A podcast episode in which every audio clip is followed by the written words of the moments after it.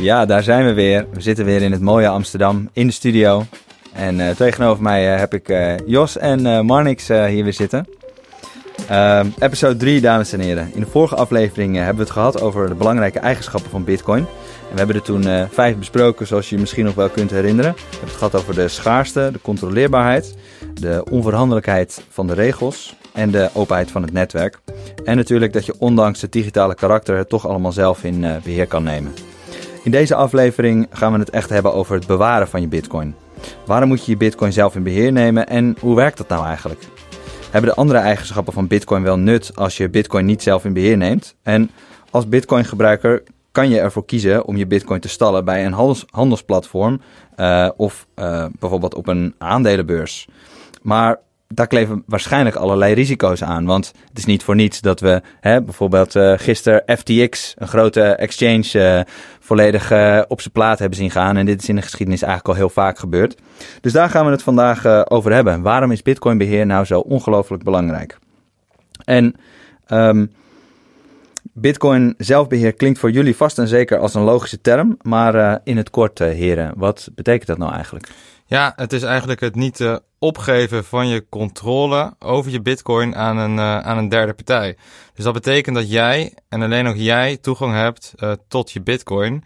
En ook alleen de mogelijkheid hebt die uit te geven. Jij kan het dus alleen verzenden en er kan niet zomaar een andere partij van doorgaan met jouw bitcoin.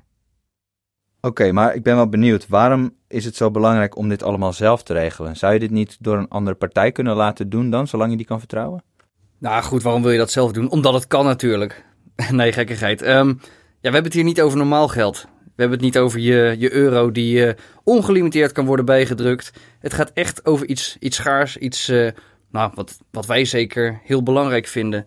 Ja, je moet ze dus echt goed bewaren. Er zijn er maar 21 miljoen. Dus ja, waarom zou jij iemand anders nou jouw controle geven of, of controle geven over jouw deel van die 21 miljoen?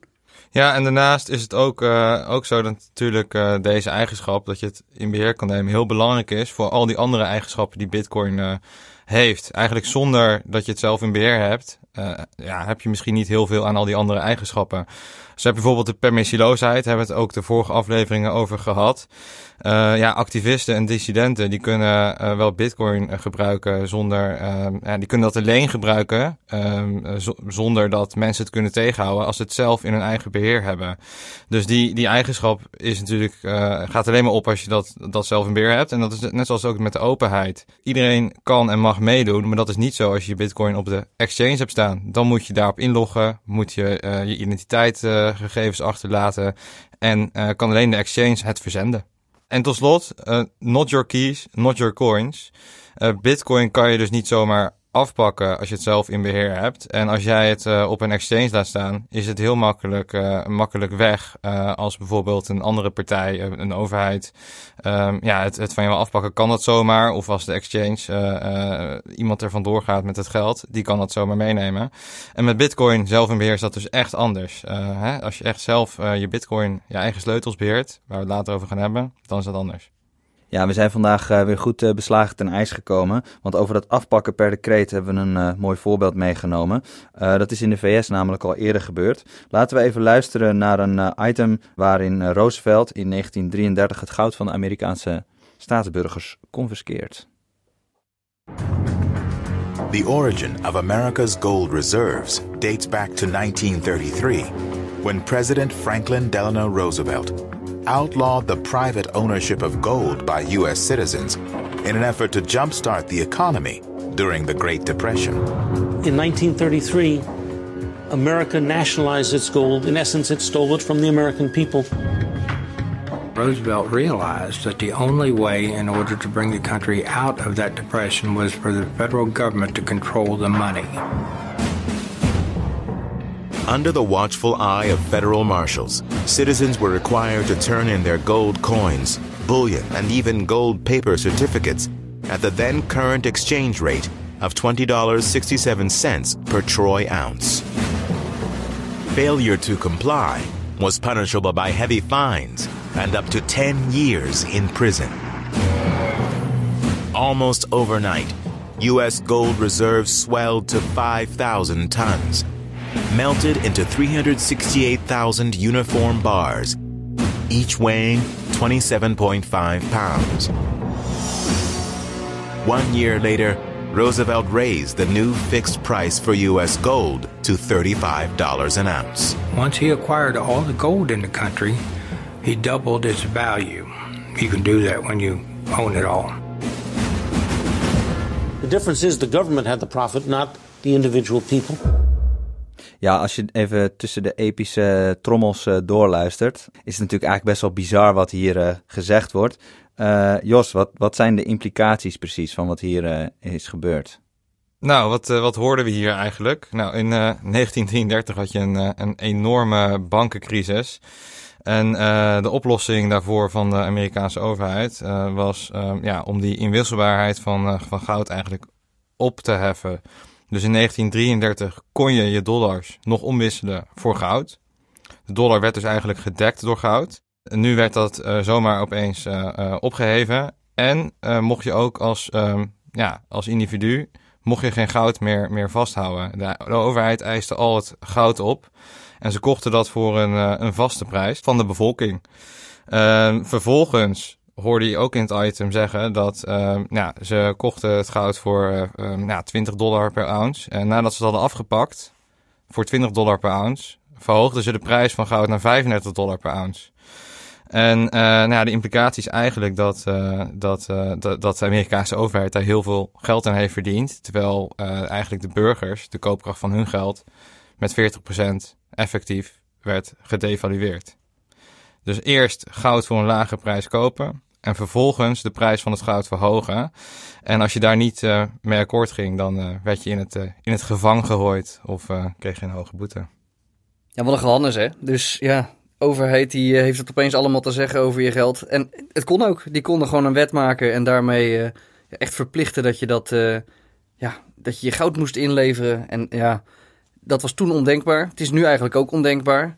Maar het, het is dus wel echt gebeurd en het, het gaat dus echt mis. En ja, overheden doen wel dit soort dingen. Dus uh, zeker iets om, uh, om rekening uh, mee te houden.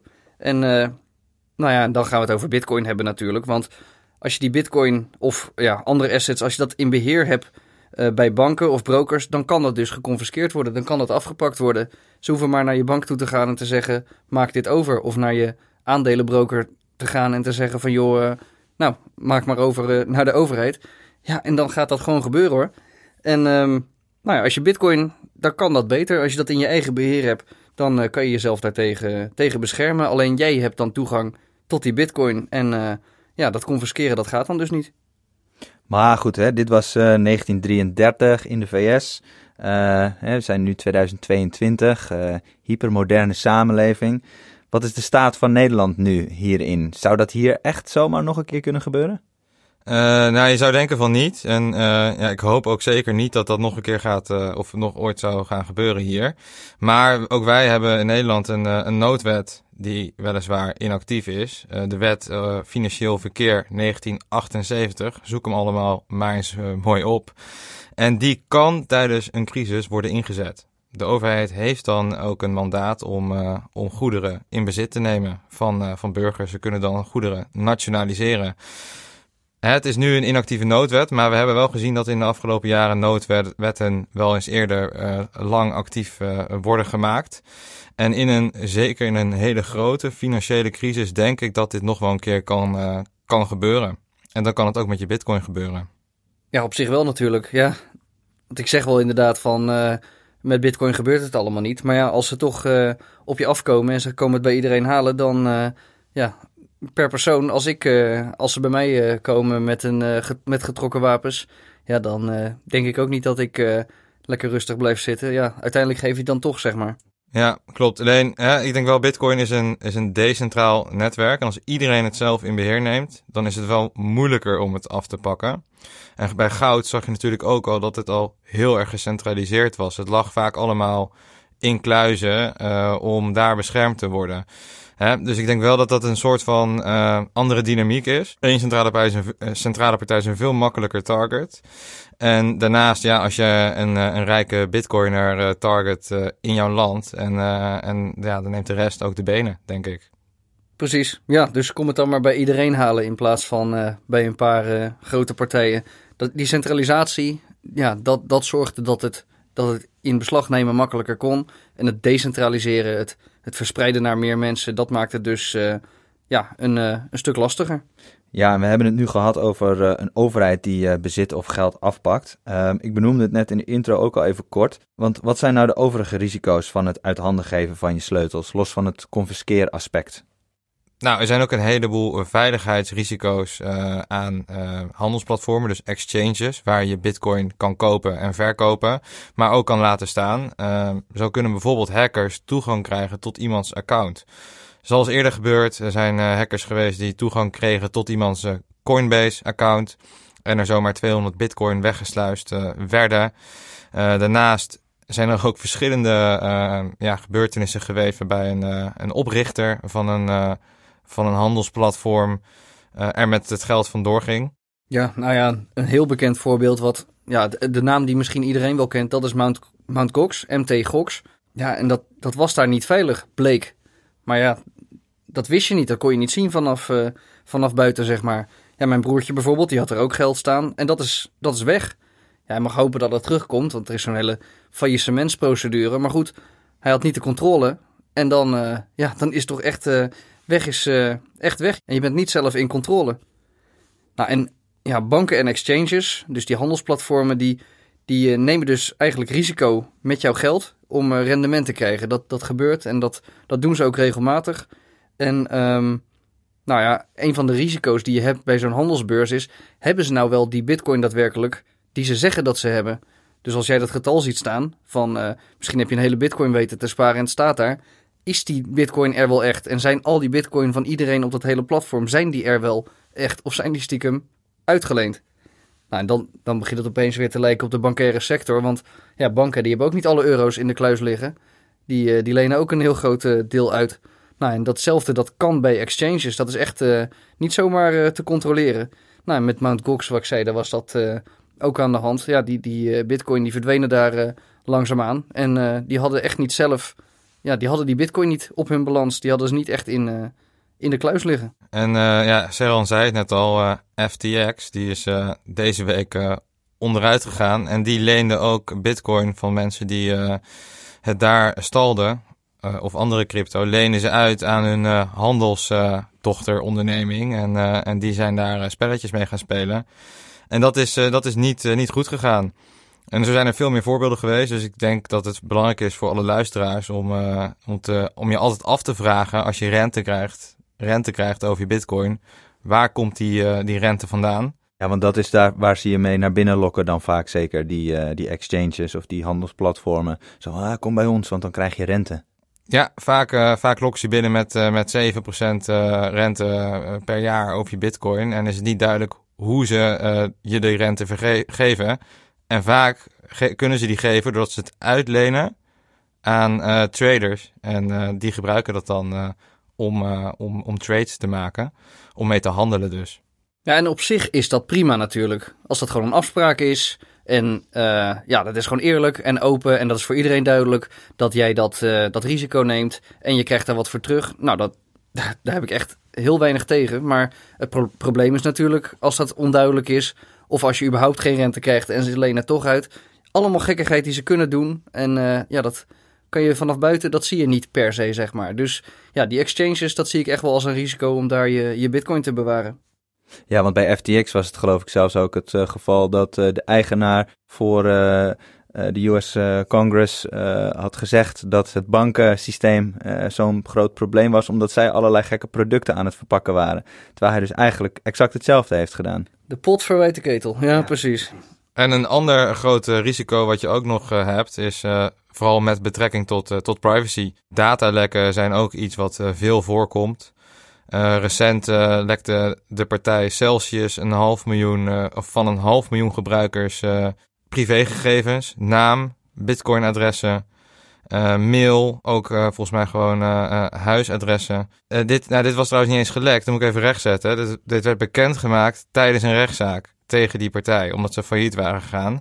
Dus opeens ligt, uh, ligt al die data ligt, um, op de straat en, uh, en die kunnen mensen gebruiken. Hè? En dat is natuurlijk gewoon voor criminelen echt een honingpot om dit soort informatie te bemachtigen. Combineer het met andere lekken en je weet zo waar iemand woont. En, ja, je bent echt een, een doelwit uh, als je misschien veel geld had. Je kunt dus ook nog zien hoeveel bitcoin iemand dus had. Ja, zeker. En ook of ze het al hadden um, hè, van de exchange hadden afgehaald of niet. Uh, dus dat zijn echt uh, uh, ja, hele grote risico's die aan verbonden zijn. Ja, zeker niet de enige hoor, bij Celsius, waar het is gebeurd. Want dat Mt. Gox, waar we het over hadden, uiteindelijk die databases zijn ook open ge geraakt. En dat is ook bekend geworden. En er zijn veel meer voorbeelden ja, waar die gegevens gewoon naar buiten zijn gekomen. Dan heb je toch wel een mooi probleem als als er staat dat jij een hele bitcoin bij elkaar hebt weten te sparen en jouw huisadres uh, of jouw naam staat erbij. Nou, uh, ga dan nog maar eens lekker slapen. Ja, dus je loopt eigenlijk enerzijds risico om je bitcoin te verliezen op exchanges. En anderzijds heb je ook nog het risico dat je data op straat komt uh, te liggen. En in het slechtste geval dus eigenlijk beide. Um, hoe zit dat dan met risico's buiten exchanges om? Dus inderdaad, als je het zelf gaat doen, zelf je bitcoin gaat beheren, dan... Um, ja, dan kan je zelf een node draaien. En dan, dan doe je dus echt mee aan het netwerk. En dan controleer je ook zelf hoe het zit. Ja, hoe het staat met, jou, uh, met jouw wallet, zeg maar. Hoeveel bitcoin je daadwerkelijk bezit. Dat is de power die je terugkrijgt als je zelf in beheer neemt. Als je niet zelf je node draait, ja, dan zal je toch uh, uh, aan derde partijen moeten gaan vragen hoe het zit. En hoeveel bitcoin er op jouw adres staat en in jouw wallet. Ja, en tot slot, als je het zelf nou in beheer neemt, dan kan je zelf kiezen welk niveau van beveiliging bij jou past. En dan kan je voor jou het optimale beveiligingsniveau kan je gaan kiezen. Je kan echt jouw persoonlijke Fort Knox, jouw, jouw eigen superkluis, die kan je uh, ja, bij elkaar programmeren of bij elkaar, bij elkaar zetten. En um, ja, het, echt op de, op de juiste manier of op je eigen manier in beheer nemen. Dat zorgt er dus voor dat niemand erbij kan en echt alleen jij. Het is echt de meest veilige manier om, uh, om je eigen bitcoin te hebben. Ja, en programmeren klinkt misschien spannend voor sommige mensen, maar uh, maak je niet druk. Er zijn ongelooflijk veel tools die uh, je hierbij kunnen helpen. Heel veel is eigenlijk plug and play. Daar gaan we het in de volgende episode ook over hebben. Um, maar om dit deel van het verhaal dan nog even samen te vatten. Um, Volgens mij is de strekking van het verhaal dus eigenlijk hè, um, dat je gewoon heel veel risico loopt bij derde partijen. Of het nou gaat om privacy of het verlies van je bitcoin door een faillissement of een hacker die toegang krijgt uh, tot je account. Uh, en bitcoin zelfbeheer beschermt gebruikers hier gewoon echt tegen. Maar dan uh, ja, de belangrijke vraag, waarom doet dan toch niet iedereen dit? Als het zo evident zou zijn dat dit nou ja, de beste oplossing eigenlijk is. Nou, één, ik denk niet dat het de, de makkelijkste route is. En het punt waarop je vaak binnenkomt voor mensen is toch vaak zo'n handelsplatform of een exchange. En daar laten mensen dan toch uh, vaak gewoon uh, staan van, uh, vanuit, vanuit het gemak.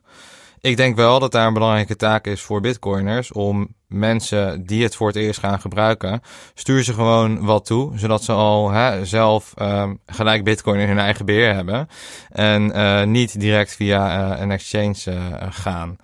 Daarnaast is het denk ik ook een totaal nieuw concept om, uh, om zelf uh, digitaal eigendom te hebben.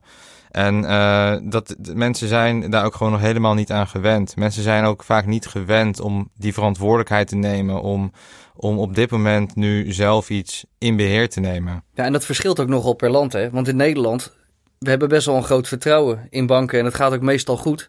Maar ja, andere landen, in andere landen, daar spreekt dit veel meer. Dus het is ook een stukje educatie en een stukje gewoon even doorhebben waar, waar nou het waar nou het risico zit. Maar ja, dat mensen het in Nederland niet gewend zijn, dat, uh, dat klopt zeker. Ja, en daarnaast denk ik wel, kijk, mensen zijn op dit moment niet gewend. Maar eigenlijk door de hele geschiedenis heen doen wij altijd aan uh, zelf dingen beheren, self-custody. Uh, als ik vroeger of mijn voorouderen op jacht waren naar iets en iets vingen, dan, dan, dan was dat ook al zelfbeheer. een blok goud wat je, wat je onder, onder je bed had of in je uh, in je sok. Dat, dat is ook, uh, ook zelfbeheer. Dus wij zijn gewend om geheimen te bewaren. En uh, ja, al doen we dat nu niet. Ik ben er wel van overtuigd dat mensen wel die verantwoordelijkheid zou kunnen nemen. Want bitcoin zelf in beheer nemen is ook niets anders dan eigenlijk, daar komen we nog later wel bij, fysiek een geheim kunnen bewaren. Ja, goed. Dus historisch gezien gebeurde dit wel. En ja, gingen mensen echt wel hun, uh, hun spulletjes zelf bewaren. En dat was natuurlijk ook best wel makkelijk als jij wat gouden munten had en je had een matras. Nou, 1 en 1 is 2. Pak die gouden munt, doe hem onder je matras. En, en als je met Bitcoin een beetje gaat kijken naar hoe werkt dat nou, hoe werkt dat met, uh, met beheer, ja, dan komen er toch een aantal termen zoals uh, pubkeys en private keys en seed phrases. Dus ja, daar zit toch nog wel iets, iets van complexiteit, zeg maar. Ja, maar moet ik wel een kanttekening bij maken. Als jij jouw bitcoin nou veilig op een exchange wilt bewaren, of hoe verre het veilig kan dan, uh, dan moet je ook al uh, wat features implementeren uh, om hacks van jouw account in ieder geval te, te voorkomen. Je moet zo authenticator codes moet je eigenlijk hebben, hè, OTP. Nou, dat zijn, ook, dat zijn ook gewoon cryptografische sleutels die jij moet backuppen anders ben je ook uh, vatbaarder voor, voor uh, simswaps of, uh, of hacks. Dus ik denk wel, als jij bitcoin zelf op een exchange wilt bewaren, dan moet je ook um, vaak al wat, wat dingen doen waarbij je ook geheimen moet bewaren. Vaak op papier moet opschrijven. Um, want anders doe je het ook niet goed. Dus ik denk wel dat, dat mensen er in dit digitale tijdperk wel steeds meer gewend aan raken. Nou, en tot slot denk ik, waarom doen mensen het, het, het vooral niet? Bitcoin zelfbeheer. Dat is eigenlijk denk ik het risico op verlies. Um, als jij je Bitcoin sleutels kwijtraakt en je hebt geen, geen backup meer, dan ben je ze ook echt kwijt. En dan kan niemand die ze, die ze kan herstellen voor jou. Geen derde partij die dat voor jou kan oplossen. Ja, en dat is natuurlijk wel iets om je echt te beseffen. Jouw sleutels, dat zijn eigenlijk jouw bitcoin. Dat is de enige manier om toegang te krijgen. En dat, ja, als jij uh, je inlogcode van je bank vergeet, bel even je bank. Misschien willen ze eventjes checken dat jij het bent met je ID-kaart. En dan kunnen zij gewoon toegang tot jouw spullen geven, omdat zij, zij hebben die controle over dat geld. En bij, bij Bitcoin gaat dat niet. Als dat in jouw wallet stond, dan is er niemand die je kan bellen die jou die, uh, die Bitcoin even terug gaat geven. Dus die, die seed woorden, die, die seed phrase, ja, dat is wel eigenlijk, uh, ja, dat is eigenlijk heel, uh, heel belangrijk. Ja, maar de, de juiste manier van, van zelfbeheer kunnen de risico's echt heel erg klein maken. en in principe lager dan dat je je coins verliest op een exchange of een hack. Dus uh, ja, dat, uh, dat kan je heel erg minimaliseren en daar gaan we het uitgebreid over hebben. Bitcoin zelfbeheer gaat dus wel gepaard met verantwoordelijkheid en is minder makkelijk dan het gewoon aanschaffen op een exchange en daar laten staan. Uh, je bent dan namelijk meer decentraal en soeverein, maar dat betekent dus wel ook dat je wat meer verantwoordelijkheden hebt. Uh, en als ik het goed begrijp, begint die verantwoordelijkheid eigenlijk bij je sleutels. Hoe ga ik hier dan zelf op een goede manier mee aan de slag? Goeie vraag, want Bitcoin is toch wel echt wel anders dan uh, je bankrekening of als uh, muntjes in je portemonnee. Ja, die muntjes die heb je zelf. Die zitten fysiek in je portemonnee en die heb je. En mensen denken dat als zij hun Bitcoin wallet hebben, dat ze die munten ook echt hebben. Dat dat soort bestandjes zijn die in die wallet staan. En dat is wel even een idee waar we van af moeten. Want ja, die Bitcoin, het gaat, ja, wat je zegt inderdaad, Serran, het gaat om sleutels. Dus het zijn die sleutels die, die, die je recht geven op die Bitcoin de Bitcoin heeft eigenlijk iedereen. Dus de bestandjes en die blocks en de transacties, die heeft iedereen. Dat is die blockchain die iedereen kan downloaden. Maar het gaat er echt om: heb jij het recht om jouw stukjes Bitcoin, om jouw Bitcoin uit te kunnen geven? En dat werkt dus met die, uh, ja, met die sleutels. En die sleutels die moet je goed, uh, goed bewaren. Ja, dus eigenlijk een, een, een handtekening. Jouw persoonlijke handtekening waar iedereen jou aan kan herkennen en waarvan ze weten: oh ja, die handtekening die uh, hoort bij die hoeveelheid Bitcoin. Ja, zo kan je het zien. Of, of ja, als een als een sleutel van een bankkluis, zeg maar. Ja, die spullen die in die bankkluis liggen, die worden door de bank of door het systeem worden die beheerd. Maar jouw sleutel, dat is, geeft jou echt die toegang tot, uh, tot jouw spullen, zeg maar.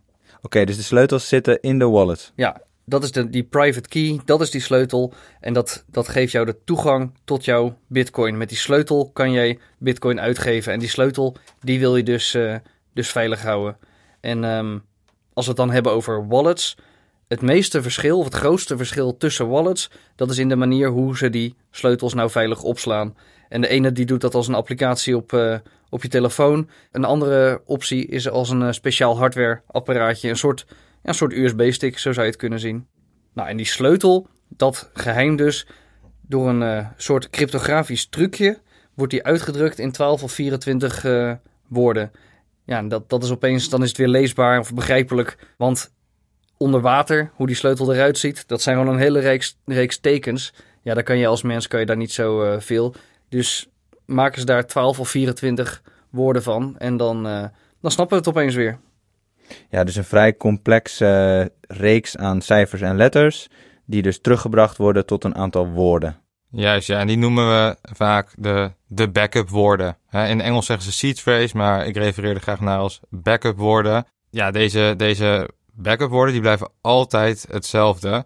En alleen met dit geheim kan je dus toegang krijgen tot je bitcoin.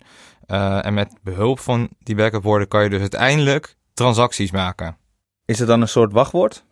Nou ja, ik probeerde het net al een beetje te zeggen, maar het is dus geen wachtwoord. Uh, een wachtwoord geef je alleen toegang tot bijvoorbeeld een account. Um, op, op uh, ja, een account op een, op een website. Uh, maar dit wachtwoord, of dit wachtwoord kan je niet veranderen. Die backup woorden kan je niet zomaar veranderen. Die blijven altijd hetzelfde. Uh, en in die zin verschilt het daar wel heel erg van. Ja, hij verandert dus niet. Dus dat is op zich ook wel weer interessant. Dus als jij nu een wallet maakt en je krijgt die woorden, dan zijn dat voor altijd die woorden die bij die wallet horen, zeg maar. Dus als iemand die vandaag stilt, en je gaat dan heel veel transacties doen met je wallet. Dan kan die over een jaar kan die jou, uh, jouw bitcoin pakken. Dus het is heel belangrijk om je te beseffen dat die seed worden. Hou die veilig, want dat geeft gewoon toegang tot jouw bitcoin nu en in de toekomst. En het is zeker ook heel krachtig, want inderdaad, ja, iemand anders kan het afpakken. En dan uh, beschermt, uh, beschermen die back backup worden eigenlijk ja, alsnog die bitcoin. Um, maar Kijk, je kan ook natuurlijk uh, die backup woorden altijd zelf gebruiken. In elke andere wallet kan je die zetten, kan je die uh, invoeren weer. Uh, dus je kan hem op een andere hardware wallet weer invoeren en dan krijg jij weer toegang tot je bitcoin. Dus er zit ook een, ja, een hele grote kracht achter die backup woorden. Om het even makkelijk te maken, voordat de luisteraar helemaal afhaakt hier. de backup woorden zijn vergelijkbaar met de sleutels die eigenlijk toegang geven tot een kluis met goud, zoals Marnix al zei. De sleutels zijn uitgedrukt in 12 of 24 menselijk te begrijpen woorden. En alleen degene die deze woorden heeft, kan dus toegang krijgen tot je bitcoin. Hoe uh, kan ik die sleutels dan gebruiken? Nou, grofweg met, uh, met software, uh, zoals Marnix ook al zei, bijvoorbeeld op je computer of een app of telefoon. Dan heb je dus die sleutel ook in die mobiele of, of computer applicatie zitten. een andere optie is een hardware wallet. Dan is je sleutel hè, of je backup woorden zitten op die hardware wallet, wat speciale hardware is om die sleutel te beschermen. Dus eigenlijk een apparaatje die echt je sleutel beschermt. Uh, en je kan daarnaast ook nog allemaal andere uh, trucjes uh, bedenken die je met je sleutel kan doen. Je kan ehm, meerdere sleutels gebruiken, waarbij je bijvoorbeeld drie sleutels nodig hebt om, om je bitcoin te kunnen verzenden. daar gaan we het allemaal, denk ik, nog in de, in de volgende aflevering over hebben. Maar bovenal is het belangrijk dat je naast dat je die hardware wallet hebt of mobiele wallet hebt, dat je ook meerdere backups hebt van die 24 woorden. Ja, het klinkt allemaal best wel complex, moet ik zeggen. Um, maar um, nou ja, stel, ik heb mijn eerste bitcoin gekocht en uh, nou, dat staat op een handelsplatform, op een exchange. Uh, wanneer komen die backup woorden dan in het spel? Hoe krijg ik die bitcoin nou op een, op een, op een eigen adres? Oké, okay, om je bitcoin van een exchange af te halen heb je een adres nodig en daarmee automatisch ook backup woorden. Uh, wallets, die genereren die voor jou. Dus laten we even voor deze aflevering het voorbeeld van een mobiele wallet nemen. En grofweg loop je dan de volgende stappen door. Je downloadt een gratis app op je mobiel of computer. Dat kan bijvoorbeeld zijn Blue Wallet of Blockstream Green. Na de installatie klik je op Create Wallet creëer een wallet. Backup woorden worden dan vaak getoond en de app vraagt dan uh, om deze even op te schrijven. Daarnaast is er ook vaak nog een, uh, een check van uh, ja, controleer even of je de backup woorden goed hebt opgeschreven. Voer ze eventjes op volgorde in. Nou, die app checkt dat dus of je dat goed hebt gedaan. En nu ben je eigenlijk gewoon klaar. Nu kan je klikken op receive, ontvangen en, en je kan al gewoon bitcoin ontvangen. En hè, stuur dan gewoon een klein beetje bitcoin naar jezelf en, en je bent al bezig met het Bitcoin zelf beheren. Ja, hoe gaaf is dat, hè? Ik bedoel, het is, het is zo uit te leggen ook uiteindelijk. Het is installeer dat ding, start je wallet, sla je woorden even goed op, schrijf ze even op. En je kan ontvangen. Dus iedereen mag meedoen. Je kan gewoon beginnen met je wallet. En dat vind ik wel heel erg, uh, heel erg gaaf. En vanaf dat moment ben je dus eigenlijk zelfbeheer aan het doen. Want je hebt die eigen woorden, je hebt die eigen wallet. Die bitcoin die je daarop ontvangt, die zijn echt van jou. Dus ja, het klonk misschien wel wat, wat abstract en wat lastig, dat hele zelfbeheer. Maar ja, zeker voor de luisteraars, probeer dat gewoon eens even. Raak gewend aan die Bitcoin. Je kan gewoon makkelijk zien dat het werkt. En eh, ja, dan word je er ook steeds, uh, steeds comfortabeler mee. Ja, en uh, stap voor stap leer je er, er gewoon steeds meer over. En kan je misschien weer kijken naar de volgende stap. Met meer veiligheid boven, hè, naast die mobiele applicatie. Dus daar gaan we de volgende aflevering denk ik veel over hebben. Ja, zeker voor de duidelijkheid. Want je zegt nu inderdaad, je kan even zo'n appje downloaden. Ga er daar niet meteen een hele bitcoin op zetten. Of uh, een ander uh, groot bedrag. Er zijn heel veel andere manieren. Gaan we het inderdaad nog wel over hebben. Maar ja, besef dus even als je dit op je mobiele telefoon doet. Die geheimen, je hebt die backup. Je hebt die woorden gekregen. Maar die geheimen die staan ook wel echt op je telefoon. En ja, die telefoon is gewoon verbonden met internet. Daar kunnen allemaal gekke dingen gebeuren. Ja, in de volgende aflevering gaan we zeker dieper in uh, op uh, zelfbeheer. Uh, onder andere welke type wallets er allemaal zijn en welke afwegingen je kunt maken bij het kiezen van een wallet. De volgende episode wordt dus echt ja, een episode vol met tips en tricks. Ja, we begrijpen dat het zelf in beheer nemen van je bitcoin best kan aanvoelen als een grote uitdaging. Zeker gezien het soms ja, om grote bedragen gaat en je wellicht voor het eerst met de software en de hardware aan het uh, werk gaat. Mocht je nou vragen hebben naar aanleiding van deze episode of advies op maat willen, stuur dan even een berichtje naar info.snip.nl. Wij helpen je met alle basisprincipes, inclusief gebruik en zelfbeheer.